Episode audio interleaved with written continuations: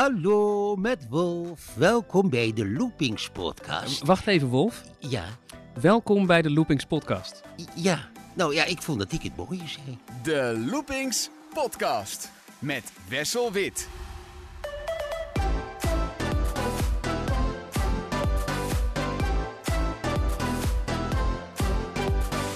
Van harte welkom bij de Loopings Podcast met stemacteur Rini van den Elsen. Dag Rini. Dag, Wessel. Ik dacht, ik begin deze aflevering met het eh, opsommen van jouw portfolio. Maar ik denk dat we dan over een half uur nog steeds bezig zijn. Want jij hebt gigantisch veel gedaan voor films, tv-programma's, eh, reclames, computerspellen. Ik noem toch eventjes een paar hoogtepunten die ik zelf eh, in een lijstje zag staan. Nou, de voice-over van alle programma's van Geer en Goor. Maar ook De Jongens tegen de Meisjes, Bonje met de Buren, RTL Boulevard, De Vrogers. Onverwacht bezoek van de EO. eh, Domino Day zelfs, De Roelvinkjes. Oh, oh, daar gaan we weer. Eh, het eh, computerspel Bus op de Playstation. Jouw stem is beroemd. Ja. Ehm, Ja, ja. Maar dit is een podcast vaak over pretparken. Dus dan zouden mensen zich afvragen waarom dan Rini in de Loopings podcast. En dat is omdat jij ook wel een heleboel gedaan hebt voor een pretpark, namelijk de Efteling. Ja, zeker. En dat is niet het minste pretpark ook nog eens. Wij kennen jou als eh, bijvoorbeeld de stem van Wolf. Eh, Ja. is, is een voorbeeldje, daar gaan we het zo meteen over hebben. Maar jouw Efteling carrière begint eh, ver voor Sprookjesboom, de serie. Heb ik me laten vertellen. Want jij bent in 1997 al betrokken geweest bij de Efteling. Ja, dat is, dat is een, een lasershow project geweest. Wat bedacht werd door de Efteling. We moeten iets hebben bij de uitgang van het park. Waardoor de mensen eh, sneller bij de uitgang zijn als het park sluit. Omdat normaal gesproken, als er werd omgeroepen, het park gaat over enkele ogenblikken sluiten. Dan duurde het vaak nog een uur voordat de mensen bij de uitgang waren. En dat betekende dus eigenlijk dat het voltallige personeel van de Efteling ook nog een, een uur langer aan het werk was. En dus een uur eh, moest worden doorbetaald. En dat waren kosten die kennelijk niet echt nodig waren. En ze hebben toen bedacht, als we iets aan de uit, bij de uitgang hebben... eh, eh, ja, daar iets organiseren waardoor de mensen die kant op worden getrokken. Dan zijn ze meteen ook weg als het park gaat sluiten. En eh, dat is een beetje de voorloper van Aquanura, hè, wat nu ook bij de Waterplas daar is. Want het was een lasershow op de Waterplas. Het was een lasershow op de Waterplas. En daar is toen een fictief figuur voor bedacht. De, de man van het lasershowbedrijf was een vriend van mij, Michel Pauvé van Rezel Laser. En die, ja, ik deed daar ook dingetjes voor inspreken af en toe. Eh, een beetje creatief meedenken eh, in bepaalde projecten. En ja, die vroeg van, kun jij daar eens naar kijken ook? En eh, nou, toen hebben we een, een fictief waterfiguurtje bedacht, Druppy. Daar is eigenlijk die show toen op geba- geba- gebaseerd. Ik weet niet meer helemaal erg precies wat, wat precies de inhoud was. Eerlijk gezegd, geen idee. Maar ik weet wel dat dat inderdaad wel eh, de eerste kennismaking was voor mij met de Efteling. En, en dat het ook wel werkte toen, dat het een succes was. En kennelijk heeft, heeft men toen bedacht van nou, dan mogen we dat geld wel gaan investeren in Aquanura. Waardoor dat effect hetzelfde blijft. En jij deed voor die show, deed jij een beetje inderdaad creatief denken, een beetje script. Wat eh, tekst schrijven, ja. de, de script schrijven en, eh, en, en, en de stemmetjes inspreken, zeg maar. En, en daar op basis van die hele audio reel werd dan de, de lasershow geprogrammeerd. Ja, dat was best wel eh, redelijk spectaculair eigenlijk. Moet ik dat zien als jouw ingang bij de Efteling of kwam die eigenlijk nee, pas nee, later? nee, want die, dat was gewoon, ik werkte toen een opdracht van Rezel Lezer eigenlijk. En de, en eh, de Efteling wist helemaal niet dat ik of wat. Ik heb helemaal met, met de Efteling toen en met mensen van de Efteling helemaal geen contact gehad. Dus die samenwerking, eh, die kwam eigenlijk pas veel later. Ja. Ja. Ik denk ook dat die mensen dat helemaal niet eens weten dat ik daar toen bij betrokken ben geweest. Wat grappig. Waarschijnlijk. Nee. Een jaar later, 1998, ik was acht, ik zet de tv aan en ik hoor dit. Zindert, kijk uit!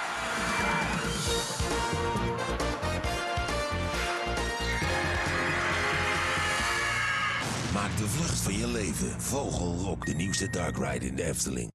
De nieuwste dark ride in de Efteling, maar dat ben jij ook. Ja, was ik ook vergeten. Sorry. Ja, dat klopt. Heb je toch iets voor de Efteling gedaan? Ja, maar dat was toen ook niet. eh, Het was natuurlijk wel een opdracht van de Efteling. Maar ik zat toen volgens mij nog bij een stemmenbureau. En dat stemmenbureau kreeg natuurlijk de opdracht van de Efteling. We zoeken een, een, een soort stem voor die commercial. En die hebben mij toen daarheen gestuurd eh, om dat in te spreken. Ja, nou ja. En dat was, moest een beetje filmtrailerachtig zijn. Nu ik het terughoor, denk ik, oeh, Maar dat is altijd, weet je wel. Dat, eh, de- Hij klinkt hier niet meer goed even in mijn nou ja, het is, ik zou het nu wel anders doen, zeg maar. Eh, maar dat geeft niet. Dat is ook gewoon het moment van toen. En, en je ontwikkelt natuurlijk. In, in, eh, altijd als eh, creatief en talent ontwikkelt zich als het goed is gewoon. Dus dat is ook helemaal niet erg. Maar ik vond het wel grappig om dat terug te horen. Maar ook toen was er nog geen samenwerking met de Efteling. Dus ik vond het wel grappig dat ik daarop werd gewezen eigenlijk. Door jou, van die, op die commercial. Want dat wist, ja, was, ik- was ik ook even kwijt. Wat is dan eh, zeg maar het eerste, de eerste herinnering aan dat de Efteling jou echt zelf benaderde voor een project? Dat moet Sprookjesboom geweest Ja, zijn. dat is Sprookjesboom geweest, ja. Dat klopt. Eh, Wij, eh, ik werkte toen heel veel in Amsterdam bij, dat heet nu Cinemeta, maar dat was toen nog Metasound. Dat was een grote studio waar heel veel animatie en tekenfilms vooral werden gedubt, audiodubbing. Dus inspreken en eh, muziek eronder. Of eh, als het Disney-films waren, dan werden ook de liedjes in het Nederlands natuurlijk vertaald en gezongen. Dat was allemaal daar, die opnames. Ik heb daar eh, een aantal jaren Café de Wereld gedaan, opgenomen. Moeten we voor de jongere kijkers misschien even uitleggen. Maar dat was, voor, als ik me goed herinner, een onderdeel van De Wereld Draait Door. Ja. Eh, ja, dat, is motion capture eigenlijk. Dus je hebt natuurlijk meerdere animatietechnieken. Je hebt stop motion. eh, maar dit was motion capture. Dus dat betekent inderdaad dat eh, je te maken hebt met een acteur die in een soort pak gaat met allemaal stipjes erop, wat door sommige camera's wordt ja, uitgelezen. Ik, ik weet ook niet helemaal precies hoe die techniek werkt, maar globaal gezien moet je het zien, er is een, is een ruimte in de vorm van een soort dansstudio. Daar eh, doet een, een acteur dan zeg maar de bewegingen van eh, het, karakter wat eh, geanimeerd wordt. Dus dan in de computer zie je dan bijvoorbeeld Wolf in dit geval. Dan is er een acteur die, die de beweging, die loopt als Wolf en die zwaait en alle bewegingen doet die Wolf eh, op dat moment, hè, wat er gevraagd wordt in het script. En dan heb je puppeteers. Dat zijn mensen met joysticks die eh, de mimiek van het gezicht eh, doen. Dus die lachen, fr- gefronste wenkbrauwen, verbaasd kijken, boos kijken. Die doen eigenlijk alles met die joysticks, ja, de, de, de mimiek in het gezicht. En eh, dus daar komt best wel wat bij kijken. En nou ja, zo Café de Wereld was zeg maar een animatieserie met eh, een soort bekende Nederlanders in het café. Dus die werden dan qua stem geïmiteerd.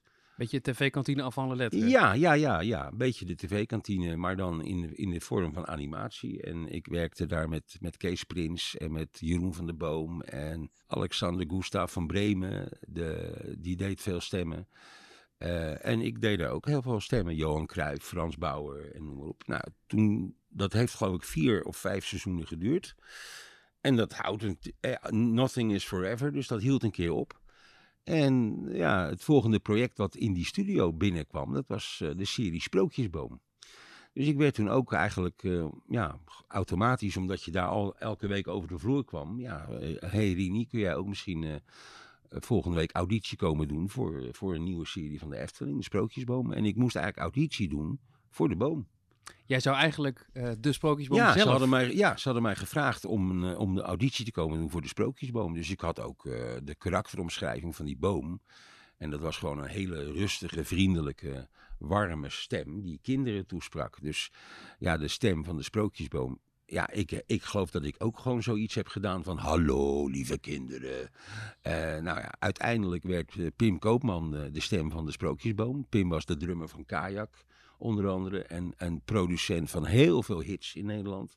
Onder andere Maywood en weet ik het allemaal niet. Die heeft heel veel nummer 1 hitjes eh, geproduceerd. Hij is overleden en later werd Hero Muller, die nu ook overleden is eh, vorige week, eh, werd de vervanger eh, van, eh, van zijn stem. Maar eh, het was wel zo dat toen ik daar was, dat ze aan mij vroegen, Rini, kun jij nog heel even blijven?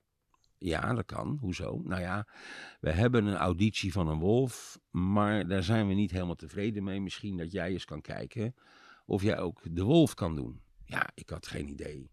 Eh, want daar was ik helemaal niet voorbereid. Dus ik heb ge- gevraagd om een karakteromschrijving. Ik ben dat even gaan, gaan doornemen. En ja, ik heb toen eh, gedaan wat in mij opkwam. Waarvan ik dacht, ja, dat hoort misschien dan bij die, eh, bij dat karakter Wolf. En, Weet ja, je nog dat- wat je toen te lezen kreeg? Een beetje sluw personage waarschijnlijk. Eh, ja, een, eh, je bedoelt de karakteromschrijving. Ja, Ja, ja. zeker. Een, een dandy, hè? dus zeg maar iemand die heel erg vol is van zichzelf. Een, een beetje een anti-held. Ja, eigenlijk allemaal dingen die me heel erg aanspraken, waar je heel erg veel mee kan. Veel meer dan met die boom eigenlijk, want dat is... Die is altijd hetzelfde. Die boom is altijd hetzelfde. Die staat daar en die vertelt gewoon... eh, nou, lieve kinderen, we hebben nu dit en dat meegemaakt. En eh, nou, dus die kondigt eigenlijk het verhaaltje aan. Maar de wolf, is, er zat natuurlijk veel meer dynamiek in. Er was, er was, ik was ook doodop toen ik... eh, als ik een dag wolf had gedaan. Want dan stond ik ook. Zeg maar, normaal dan, dan zit je, zoals nu, zitten we ook aan tafel, achter een microfoon. En op het moment dat je een, eh, een voice-over voor een tv-programma of een commercial doet, zit je meestal ook. En bij de opnames van de Sprookjesboom was het gewoon echt, ja, je staat en je, je neemt, ik nam ook eigenlijk een beetje de, de houding van die wolf aan. Dus je gaat fysiek ook daarin mee, waar, ja, wat wellicht een soort impact heeft ook op het, eh, het geluid dat je dan produceert. Het is echt acteren en dat vond ik ook hartstikke leuk om te doen en, en, en, en te ervaren. En om dat ook uit te, te, te bouwen en te vergroten. Ja, eh, je, je kan dat allemaal natuurlijk niet verzinnen van tevoren. Dat dat dan zo'n heel populair eh, character wordt. Ja, dat is hartstikke leuk. Ja, dus dat was wel ook, ook eigenlijk net als Café de Wereld. Elke week wel één of twee keer naar Amsterdam. Om opnames te doen daarvoor. En hoe heb jij dat personage van Wolf je dan eh, eigen gemaakt? Want die auditie die was succesvol. Maar jij bent echt de Wolf Nou ja, maar tuurlijk, ja, maar daar groei, daar groei je dan in. Weet je, op het moment dat je, dat zal denk ik voor alle acteurs ook gelden die normaal als gewoon acteur in een serie spelen. Je groeit, als het goed is, in een rol. Hè, op het moment dat jij wordt gevraagd om maar drie minuten in een serie als melkboer op te komen, ja, dan heb je er niet de gelegenheid om, om in je karakter te groeien. Maar als je natuurlijk een soort hoofdkarakter bent, ja, dan, dan wordt dat steeds meer een onderdeel van jezelf. Of, hè, of, of vice versa. Eh, Er komt steeds, ja, en je, je raakt vergroeid eigenlijk met het karakter. Hoe, hè, hoe vaker je dat doet. Heb jij dan ook nog invloed op die verhalen? Of is het gewoon binnenkomen, eh, lezen, oplezen? Eh, het is over het algemeen oplezen wat er staat, zeg maar. Of tenminste, oplezen is het natuurlijk niet. Het is acteren. wat er staat. En we hadden natuurlijk het voordeel dat eerst de audio werd opgenomen en daarna pas de animatie kwam. En dat is eigenlijk zoals het in Amerika ook gaat. Als er in Amerika een, een speelfilm wordt gemaakt, animatie, neem, neem bijvoorbeeld Toy Story, hè, om maar even wat te noemen. Dan gaan eerst de stemacteurs de studio in om het script op te spreken, de- in te spreken. En dat betekent eigenlijk ook dat er nog alle vrijheid is voor adlibs, voor Ja, je hebt toevoegingen. geen timing zoals je met nasynchronisatie Nee, hebt. en wij- zitten dan in Nederland, krijgen wij dan die film die dan klaar is. En dan moet een vertaler eh, de lettergrepen gaan tellen eigenlijk. Omdat het allemaal lipsync moet. En daardoor krijg je ook vaak wat, wat rare vertalingen. Eh, dat is nou eenmaal hoe het hier werkt. Hè. Je loopt dan vaak achter de feiten aan. En dat is dan eh audiodubbing, wat, waar je dan mee te maken hebt. Maar met Sprookjesboom was het zo dat je dus eerst eh, de audio ging opnemen. En daar, daar werd later de animatie omheen gemaakt. Dus je hield je wel aan het script. Maar ik had altijd wel als Wolf de neiging om ook wel tussendoor nog iets te roepen. Of aan het einde van een script. Ja, dat vloepte ik er gewoon, gewoon uit. Een grapje tussendoor Ja, of een bepaalde en- emotie wat langer maken. En dat sprak ik ook met Hans Walter, dat was de regisseur. En daar was prima go- goed mee te werken, ook fijne man. En dan sprak ik met Hans Walter ook af van ja, als ik wat roep, vind je het leuk, hou je het. Is het niet leuk, gooi het weg. Weet je wel, zo simpel is het. Ik hoef niet daar credits voor, maar het is, het is gewoon, ja, ik ben er en het komt in me op. En dat, toch ontstonden daaruit vaak wel eh, leuke dingetjes. Het scheelde ook wel dat Hans ook wel betrokken was bij Café de Wereld, dus die kende mij ook wel. En als Johan Cruijff had ik die neiging ook al vaak in Café de Wereld om toch nog wat dingen anders te roepen of erna te roepen. En dat was met Sprookjesbel eigenlijk ook, weet je wel. Ik kan me nog wel een serie herinneren of een aflevering herinneren waarin Hex een ruziedrankje eh, maakt waar Wolf stiekem van drinkt. Alleen wordt hij dan verliefd. En dat is de, eh, het liedje Huilen naar de maan is, is, is in die aflevering komt naar voren. En aan het einde eigenlijk dan is Hex helemaal verbolgen. Want ja, dat was helemaal geen, eh, geen liefdesdrankje. Dat was een ruzie. Ik, wil, ik hou helemaal niet van liefde, zegt Hex. Ik wil dat, dat iedereen ruzie met elkaar heeft. En dat was eigenlijk het einde verhaal. Maar dan had ik nog de neiging om als wolf te roepen... Nou, dan moet je vooral zo doorgaan. ja, en dat was dan toch eigenlijk leuk. Maar ja, dat, dat zijn dingen die kun je ook niet scripten. eh, soms. De, de, spontaan ontstaan vaak de grappigste eh, momentjes. Wordt dat opgenomen eigenlijk met alle acteurs tegelijkertijd? Dus speel je dan met iemand die ook heks Soms, is? Het... als die er was op dat moment. Maar, maar ook vaak gewoon alleen. En of het was al opgenomen, dan krijg je het tegenspel te horen waar je op reageert. Voor we verder gaan met Sprookjesboom, kom jij zelf vaak eigenlijk in de Efteling? Ben jij zelf een, een Efteling-fanaat? Of is dat voor jou iets waar je één keer in een paar jaar misschien eh langs nou ja, gaat? ik heb zelf geen kinderen, dus eh, dat scheelt eh, dat je de, da- dan, dan kom je er eigenlijk niet. Ik ben natuurlijk als kind zelf ook geweest hè, met mijn ouders. En dat zal de jaren zestig zijn geweest. Dus ik weet, eh, ik ken natuurlijk wel de magie van het Sprookjesbos, wat ieder kind eigenlijk ervaart. En het grappige is eigenlijk dat als je nu nog ouders spreekt met kleine kinderen, dat zijn eigenlijk kinderen die opgroeien met een tablet in hun hand. Maar die toch volledig gefascineerd door het Sprookjesbos lopen. En dan zie je dat dat toch nog steeds eh, gewoon De werkt. magie is nog niet uitgewerkt. Nee, totaal niet. Ik ben een groot fan van Godfried Bomans. En Godfried Bomans is natuurlijk onze enige sprookjesschrijver in Nederland eigenlijk. En toen Bomans voor de AVRO begin jaren 70 programma's maakte, reisprogramma's, zijn ze met hem ook naar Disney World geweest in Orlando. Of dat is LA geweest, het eerste Disneypark. Dat is waarschijnlijk in Los Angeles geweest, Ja, denk klopt. ik. Californië. Ja. Ja, dat heette dan geen Disney World, maar Disneyland. Disneyland, ja, ja. En daar gingen ze met Bomans heen, want ze dachten eigenlijk van, nou, jij bent een sprookjesschrijver, dit moet jij fantastisch vinden. En dat was helemaal niet zo. Bomans vond het vreselijk, want, zei hij, ze hebben er een zaak van gemaakt. En het sprookje had juist in het hart en in het hoofd van de kinderen moeten blijven zitten. Ja, daar was ik het altijd wel een beetje mee eens. Alleen ik snap ook wel dat de wereld dusdanig verandert. Dat gewoon, ja, alles wordt zichtbaar. En ik geloof dat dat toch nog wel steeds in die kopjes van kinderen zit. Want als je nu naar het Sprookjesbos gaat, ja, dan zie je wel natuurlijk dingen van sprookjes. Je ziet door een roosje liggen, maar het hele sprookje is toch, ja, is anders, zeg maar. Je ziet een scène en de Je rest moet ziet je een er zelf scène eigenlijk, een fragment uit een sprookje.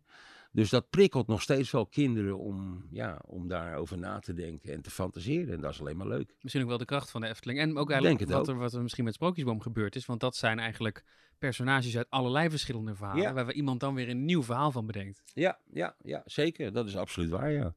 Ja, dus dat, dat, was, eh, dat was de serie Sprookjesboom. Eigenlijk wat dat betreft de eerste echte samenwerking met het park. Jij hebt ook eh, de stem van de kabouter gedaan. Is dat al vanaf het begin geweest of is dat later gekomen? Nee, want er waren natuurlijk zeven kabouters, geloof ik. Hè? Ik heb daar zelfs nog ooit een liedje over gemaakt om ze voor te stellen. eh, hoe de kabouters heten. Reinde van der Naald was een stemacteur die bij Sprookjesboom eh, betrokken was. Die deed een aantal kabouters.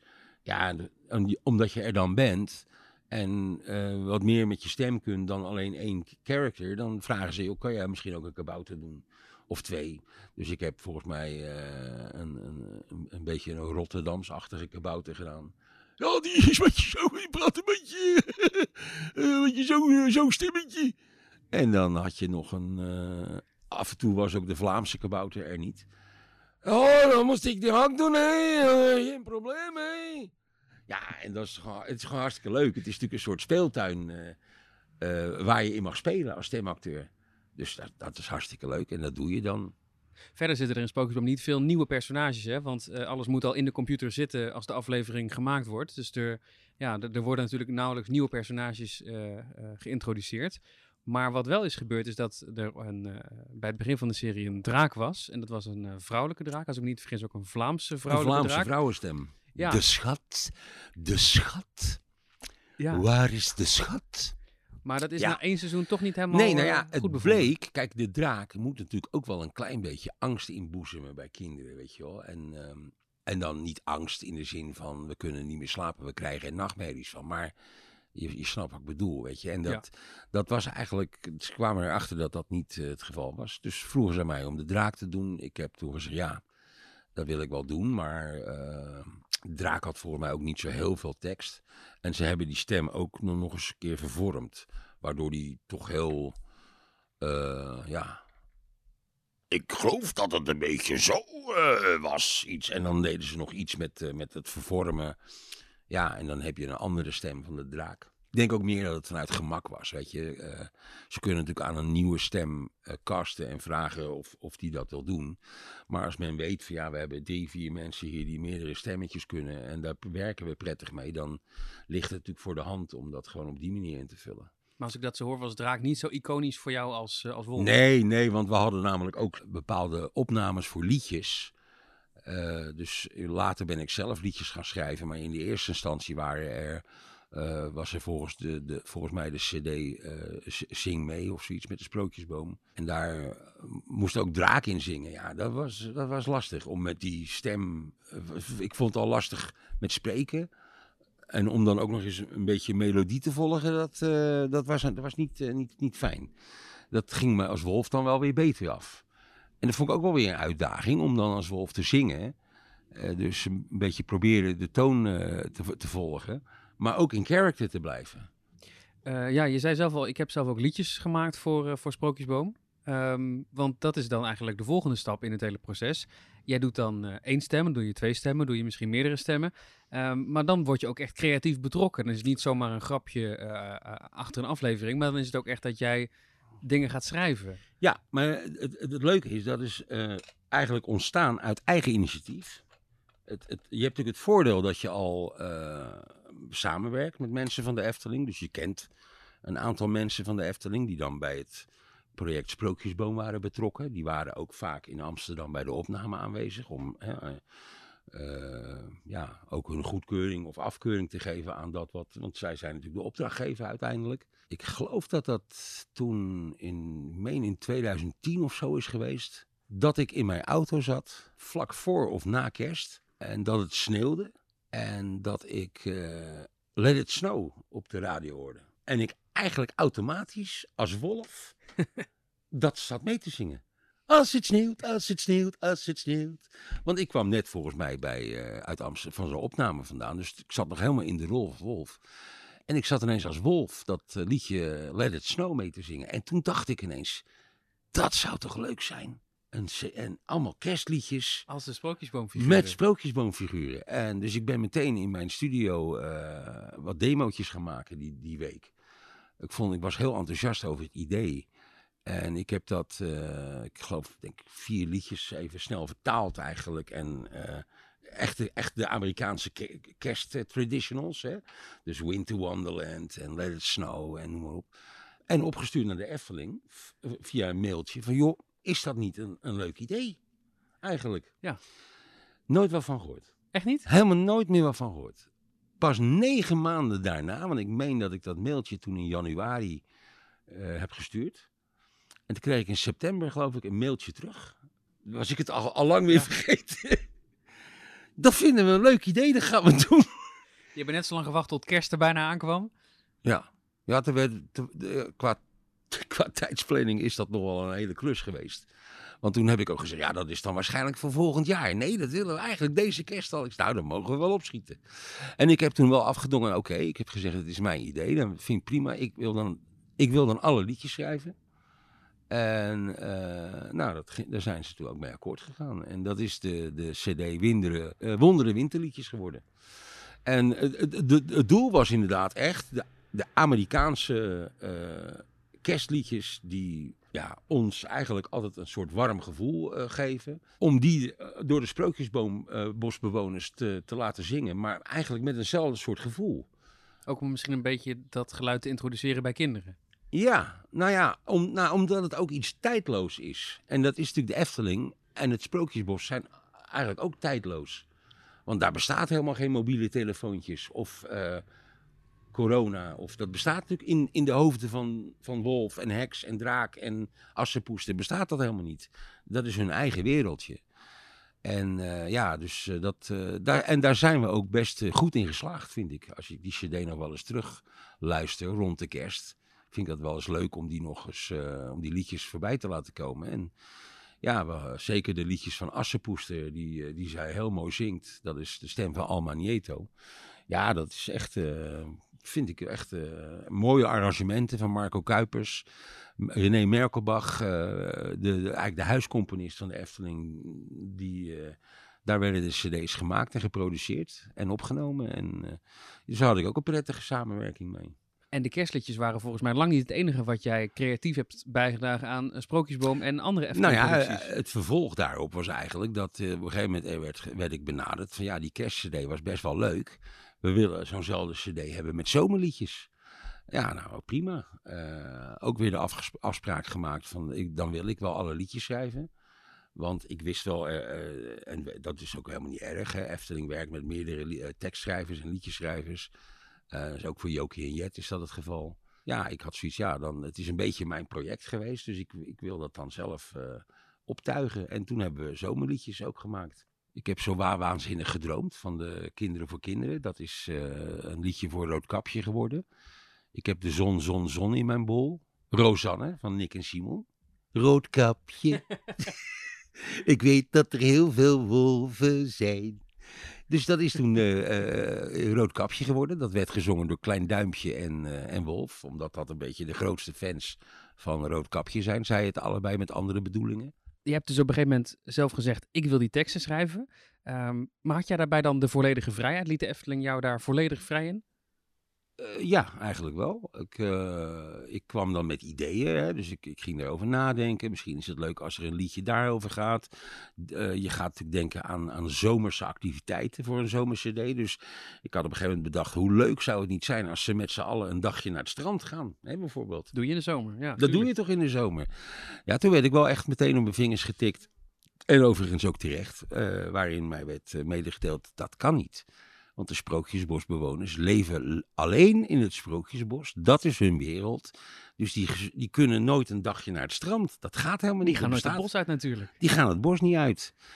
Oké, ja, ja, dat is eigenlijk waar, ja. Dus toen is dat, eh, nou, toen hebben we daar picknick in het bos, eh, is dat geworden.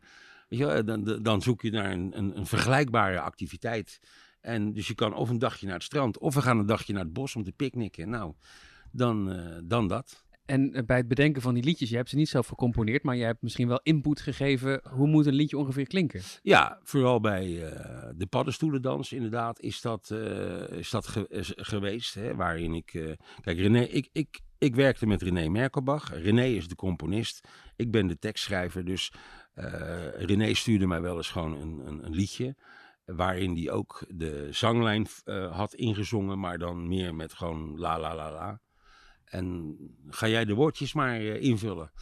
Eh, dus dat was een werkwijze. En bij de paddenstoelendans eh, had ik bedacht van ja, dat moet, dat moet een, een, een bepaald ritme hebben waar kinderen heel lekker op kunnen lopen. En wat ik daar voor ogen had, of eigenlijk voor oren, dat was het land van Maas en Waal van Boudewijn de Groot.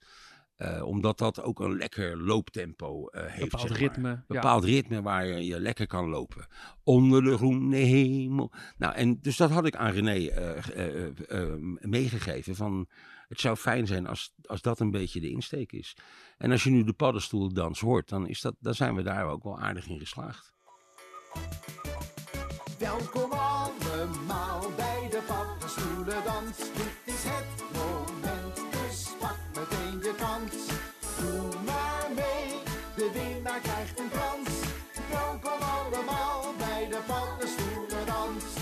En je noemde Jokie en Jet, maar daar heb je ook wat voor gedaan, geloof ik. Ja, ja, ja, ja. Dus eh, ja, je, op een gegeven moment zit je natuurlijk in een potje daar kennelijk van liedjeschrijvers. En op het moment dat er dan nieuwe liedjes moeten komen, dan gaan ze natuurlijk, denk ik, het potje omdraaien. Kijken wie dat allemaal kunnen.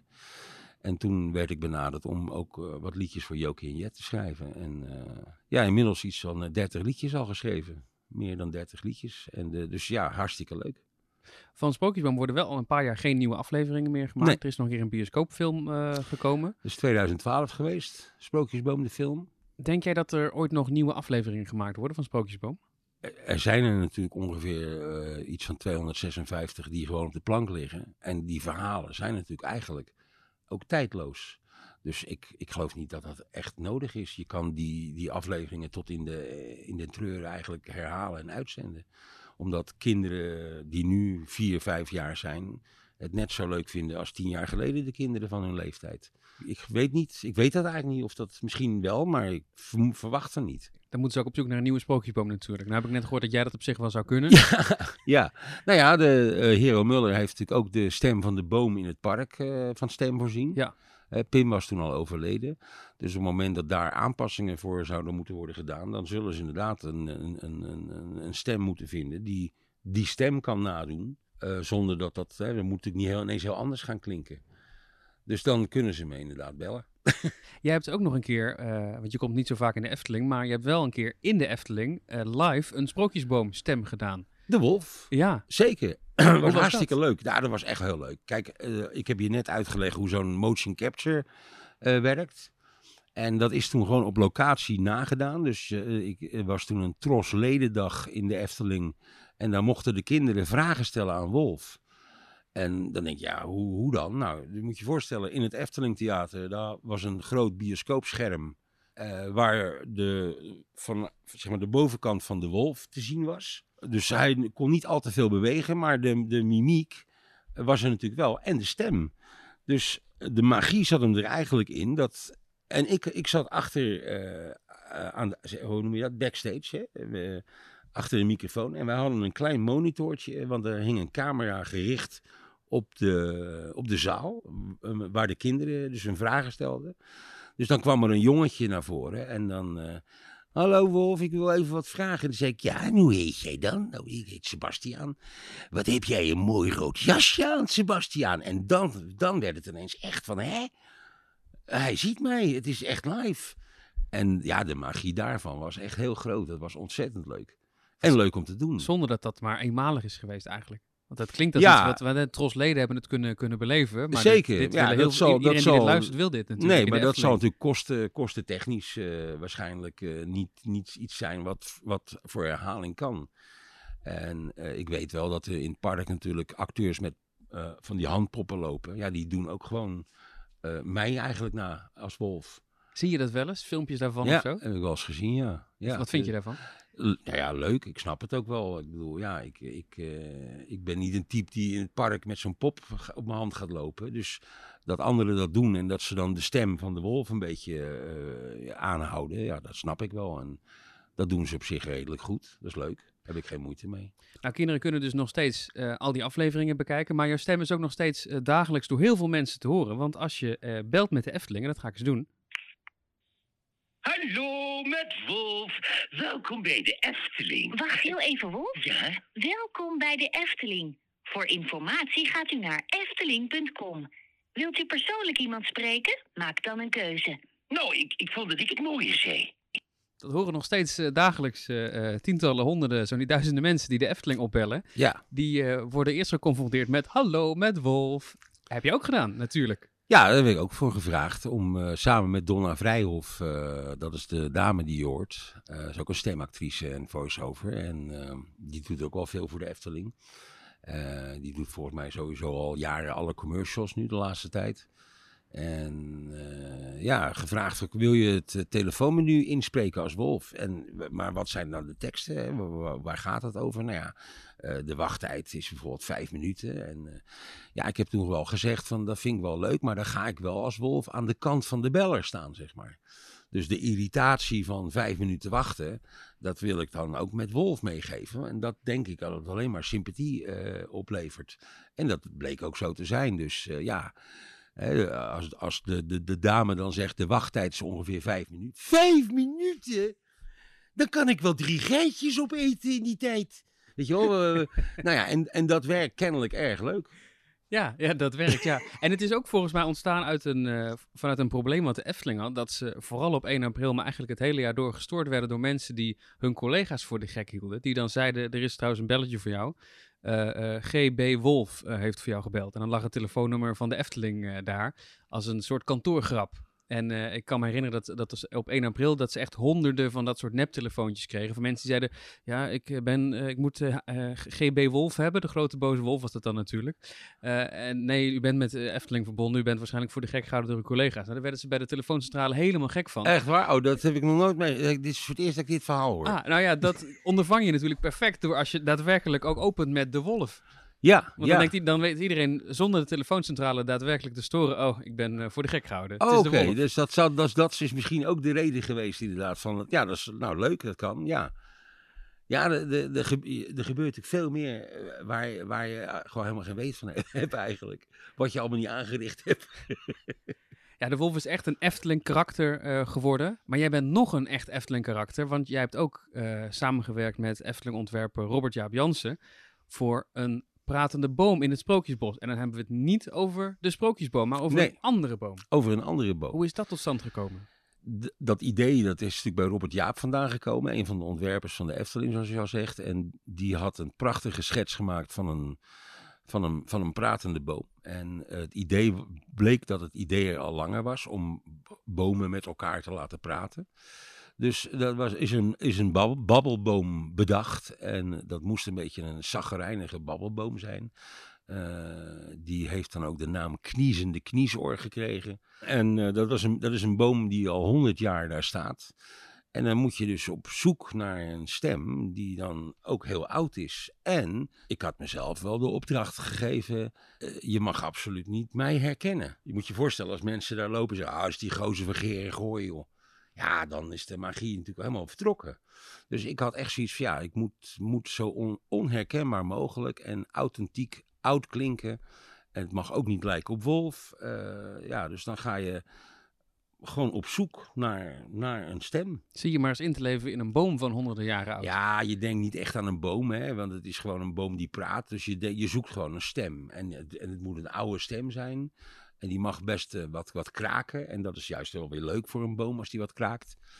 Eh, ja, dus samen met, met Robert, eh, Robert Jaap en wat mensen van Efteling Kids Radio gewoon ge- gezocht naar goed geluid. Totdat men zei, ja, dat, dat, dat, dat, dat gaat de goede kant op. Nou, oké, en dan is dat verder ontwikkeld. En zo heb ik dat ingesproken in vier talen. Dat is een behoorlijke klus geweest. En volgens mij is jouw opdracht eh, eh, die je voor jezelf had gesteld eh, geslaagd. Want het heeft best wel lang geduurd voordat mensen door hadden dat jij achter die stem zat. Nou, dat is hartstikke leuk. Dat is inderdaad, dat kun je dan geslaagd noemen. Dat vind ik ook fijn. Ja, in eerste instantie had ik zoiets. Als men er nooit achter komt dat ik het ben, vind ik het eigenlijk ook prima. Weet je, ik, ik heb natuurlijk mijn credits in het park al liggen voor mijn werk. En ja, eh, hoe leuk is het als er over 30 jaar achter komen. Hé, was dat ook Rini? Dat was een beetje mijn fantasie daarover. Ja, Ja. dat hou je natuurlijk nooit eh, zo lang geheim. Want mensen gaan natuurlijk toch, zeker vooral nu met, met internet en mensen filmen het. En mensen gaan zeggen, joh, wie is die stem? En ja, nu, eh, nu is dat redelijk bekend inmiddels. De, de, de word is out, hè, men weet het. Ja. Nou ja, oké, dat ik, ik ben het. En dat is me toch een opnamesessie geweest. Want het is niet zomaar een boom die gewoon drie anekdotes heeft en dan weer eh, doorgaat. Honderden quotes. Honderden quotes eh, in vier talen. Duits en Engels, dat, dat spreek ik wel redelijk. Maar Frans eigenlijk helemaal niet. Dus toen ik hoorde, ja, het moet ook in het Frans. Toen, eh, toen schoot ik wel even in de stress. Ik zei, ja, dan, dat kan. Maar dan moet, dan moet wel een, Frans, een Fransman het voorzeggen. Ja. Dan moet ik gewoon opnames krijgen van die teksten in het Frans. Zodat ik hoor hoe het wordt Kun uitgesproken. je het fonetisch ook Ja, dan kan ik het fonetisch inderdaad gewoon overnemen. En eh, ik hoop dat ik daarin redelijk ben geslaagd. Maar ik heb het ook nooit kunnen checken. Ja, wel, ik heb het wel een, een paar audiofragmenten naar wat vrienden van mij gestuurd. Die wel heel goed Frans spreken. Van joh, is dit Frans? Is dit geloofwaardig Frans? En toen kreeg ik wel terug dat het wel zo was. En toen viel er wel een soort last van mijn schouder. Dat ik dacht, oké. Want ja, je wilt natuurlijk niet eh, dat men... eh, Ja, dat men zegt, eh, de, de, de Franse lijkt helemaal nergens op. Nee, dat wil Nee. je het niet. Dus dat moest gewoon ook goed zijn, vond ik. Ja. Maar het zijn niet alleen honderden quotes, maar het is ook nog eens een boom die interactief is. Dus die gaat in op het weerbericht, maar die gaat ook, eh, naar aanleiding van de Efteling-app, als je die hebt geactiveerd en je hebt je naam daarop ingevuld, dan kan die ook jou aanspreken bij je naam. En Maar- je, je verjaardag, stel je bent op die dag jarig, Oh ja, dan, eh, kun- ja. kan, dan, word je, dan word je gewoon gefeliciteerd. Sowieso zijn er volgens mij wel dagen hè, dat je dan bijvoorbeeld, eh, als je op kerstmis langskomt, iets anders hoort dan als je wanneer je met paas eh, Ja, langskomt. zeker, zeker. Alle, alle zeg maar evenementen die op de agenda staan, zoals kerst, Pasen, Valentijnsdag, da- da- daar werden allemaal quotes voor gemaakt. En ja, die moesten dan in vier talen worden ingesproken. En dan inderdaad in, in die, in die eh, eh, talen nog allemaal duizenden namen. Die ook nog eens per naam op verschillende manieren ingesproken moesten worden. Dus eh, stel jouw naam, Wessel. Nou, da- dan moet je je voorstellen, Wessel. Die boom die kan jou toespreken in een zin. Wessel? Jij hier? Dus dan moest het eigenlijk vragend de naam Wessel. Maar het kon ook worden gebruikt in... Je bent jarig. Gefeliciteerd, Wessel. Dus je moest... Die naam, die, die moest je dan... Wessel? Wessel? Wessel. Bijvoorbeeld in drie verschillende intonaties. En dan de volgende naam. En dan moest je bij naam 700 nog net zo enthousiast en, eh, en authentiek klinken als bij de eerste. Dus dat is, dat is een heftige klus. Hoeveel uren of dagen heb jij wel Geen idee. Ik heb het niet bij. studio? Nou ja, ik, ik, ik heb natuurlijk het voordeel dat ik hier thuis mijn eigen studio heb. En we hebben de eerste sessie eh, eh, in, in, in het park gedaan, in, bij Efteling Kids Radio. Omdat Robert Jaap daar natuurlijk ook graag bij wilde zijn als, eh, als ontwerper en bedenker van het eh, project. Toen heb ik wel gezegd van joh, als jij er vertrouwen in hebt dat ik die stem onder de knieën heb nu zeg maar, dan helpt het mij wel heel erg als ik gewoon op gemak thuis in mijn eigen studio dat allemaal kan eh, inspreken en aanleveren. En eh, ja, dat vertrouwen kreeg ik. En dus dat was wel prettig. Dan kon ik gewoon, eh, ja, weet je, dan dacht ik van nou, ik ga, ik ga maar weer eens een paar uurtjes eh, Namen oplezen. en namen oplezen. eh, inderdaad, ja. En Oh. dat is zo'n week, een paar weken is dat, ben je daarmee bezig geweest, zeg maar. Maar dit is wel iets wat nog tientallen jaren waarschijnlijk in de Efteling blijft. Ja, dat zei. Robert Jaap ook toen tegen mij. Ja, als je ooit dood bent, dan waarschijnlijk ben je dan hier op het park nog steeds te horen. Ja, nou ja, oké, dat, is, eh, dat is hartstikke leuk. En het is ook wel een soort erebaan eigenlijk. Hoewel het ook gewoon mijn werk is. Mm, Ja, ja, daar ben ik natuurlijk wel super trots op. Heb, heb jij veel creativiteit nog van jezelf in die boom eh, kwijtgekund? Want je krijgt natuurlijk teksten aangeleverd. Heb je er zelf nog dingetjes aan kunnen veranderen? Nou, het- ik weet wel dat ze voor het hele project een, eh, een, een Belgisch of Vlaams bedrijf, ja, een Vlaams bedrijf hebben inge- ingehuurd. Die eh, de techniek, eh, zeg maar, waar jij het net over hebt, met die eh, app, ja. die die techniek dus zeg maar aanstuurt en daar de computerprogramma's voor heeft. En die schreven ook de teksten. Dus sommige teksten waren eigenlijk te Vlaams in mijn gedachten. Waarvan ik dacht, als ik het las, ja, dat, dat zeggen wij in Nederland niet zo. Dus toen heb ik wel gewoon, ja, dat, en dat is ook wel lastig, want dat zijn natuurlijk teksten die eigenlijk eh, uiteindelijk allemaal zijn goedgekeurd. Daar is uiteindelijk een, een stempel op gezet van dit is goed, dat gaan we eh, inspreken. En dan kwam ik van ja, maar zo zeggen wij dat niet. Dus nou, toen heb ik ook weer daarin toch wel het vertrouwen gekregen van ja, als je dingen tegenkomt die wij anders zeggen, verander het maar. Is er iets wat jij zou kunnen laten horen van hoe die boom uiteindelijk geworden is in die verschillende talen?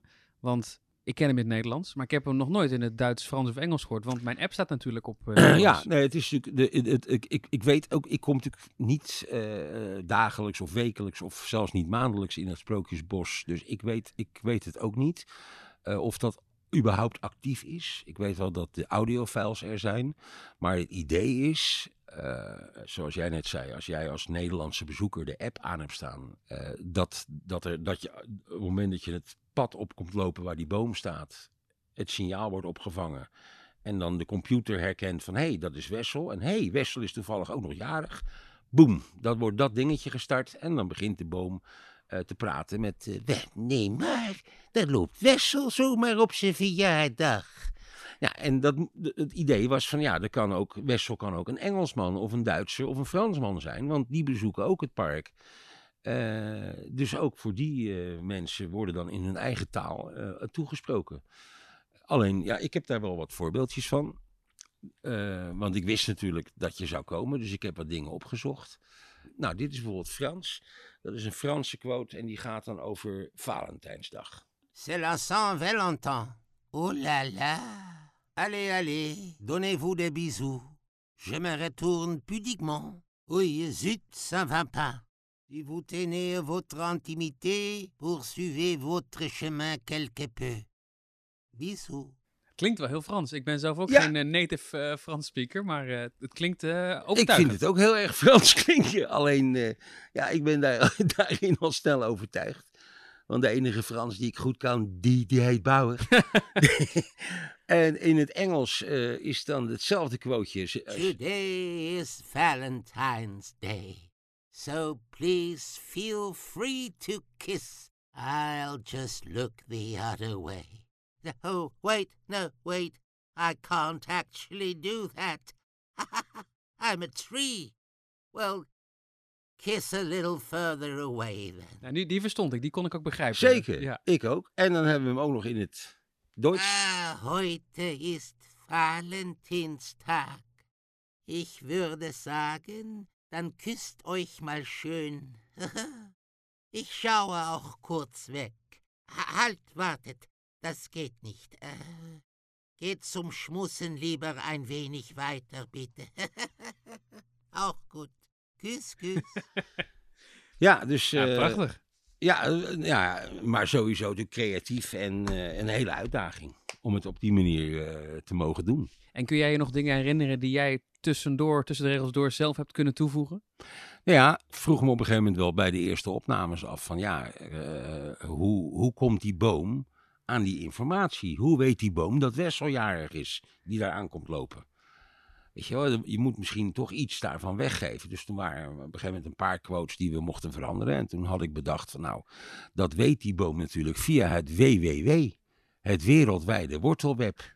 Dat was, eh, dat was goed genoeg en leuk. Dat is ook een stukje storytelling erbij natuurlijk. Ja, dat is het ook. En het geeft ook wel weer een stukje fantasie aan. En ja, s- eh, logisch, weet je wel. Die wortels die gaan diep en die, eh, je weet, wie weet wat er onder de grond allemaal niet gebeurt. En zei je nou ook dat het eh, originele plan was om ook meer bomen te krijgen die met elkaar ook gingen praten? Ja, ik hoop dat dat ooit nog eens gaat gebeuren. Ik, eh, ik heb daar toen uitvoerig met Robert Jaap over gesproken en mijn fantasieën daarover zeker gedeeld met hem. Hoe leuk zou het niet zijn als er gewoon ergens in het Sprookjesbos op meerdere plekken een paar bomen eh, gewoon met elkaar de hele dag in gesprek zijn. Over de meest stomzinnige dingen. Het lijkt me enig. Geeft wel een soort extra magie aan dat bos. Dat je als Ja. kind kan zeggen, ik weet dat bomen kunnen praten. Ja, Ik heb het zelf gehoord. Ja. En dat kunnen gewoon ook ruzietjes zijn onderling. Nee, jij zit steeds met je takken in mijn bladeren. Weet je wel, eh, en als kinderen dat op een afstand horen, dat ze denken, hè? Ook net mensen, die bomen. Je noemde het ook een paar keer Efteling Kids Radio. Hè? Sowieso als opnameplek, want dat is de geluidsstudio eh, van de Efteling, waar veel eh, voice-overs worden opgenomen. Ja. Eh, maar daar ben jij volgens mij ook wel eh, op een andere manier voor actief geweest. Hè? Ook voor liedjes en, en dat soort Ja, dingen. dat was eigenlijk in de tijd van de lockdown. En toen was natuurlijk het park gesloten. En ik had sterk het gevoel dat eigenlijk de enige communicatie vanuit de Efteling naar die kinderen, dat was de radio. En daar kunnen die characters eh, gewoon eh, eh, dagelijks nog te horen zijn. Dus ik had daar regelmatig overleg over met Arnoud Schellenberg, die toen daar dat heeft opgezet, Efteling Kids Radio. Ja, ook af en toe liedjes gemaakt als Wolf of, of, of ja, om, om, om gewoon, ik weet nog wel, ik kreeg toen de vraag, ja, er, zijn liedjes, wij draaien liedjes hier van, van, van de Efteling zelf, maar ook gewoon hitjes die ook op de radio gedraaid worden. En zo, eh, wa- wat zijn dan de hits die, ki- die kinderen vooral aanvragen? En een van de meest aangevraagde liedjes was Dance Monkey. Kun je daar eens kijken of, je daar een, eh, een eigen, of we daar een eigen versie van kunnen maken? En eh, nou ja, dus dat heb ik gedaan. En dat is de Rode Schoentjesdans geworden. Als wolf. Als Wolf. Is nooit eigenlijk uitgebracht op single, maar is wel heel veel gedraaid. En, en werd ook uiteindelijk meer aangevraagd dan het origineel. Dus dan is de missie geslaagd.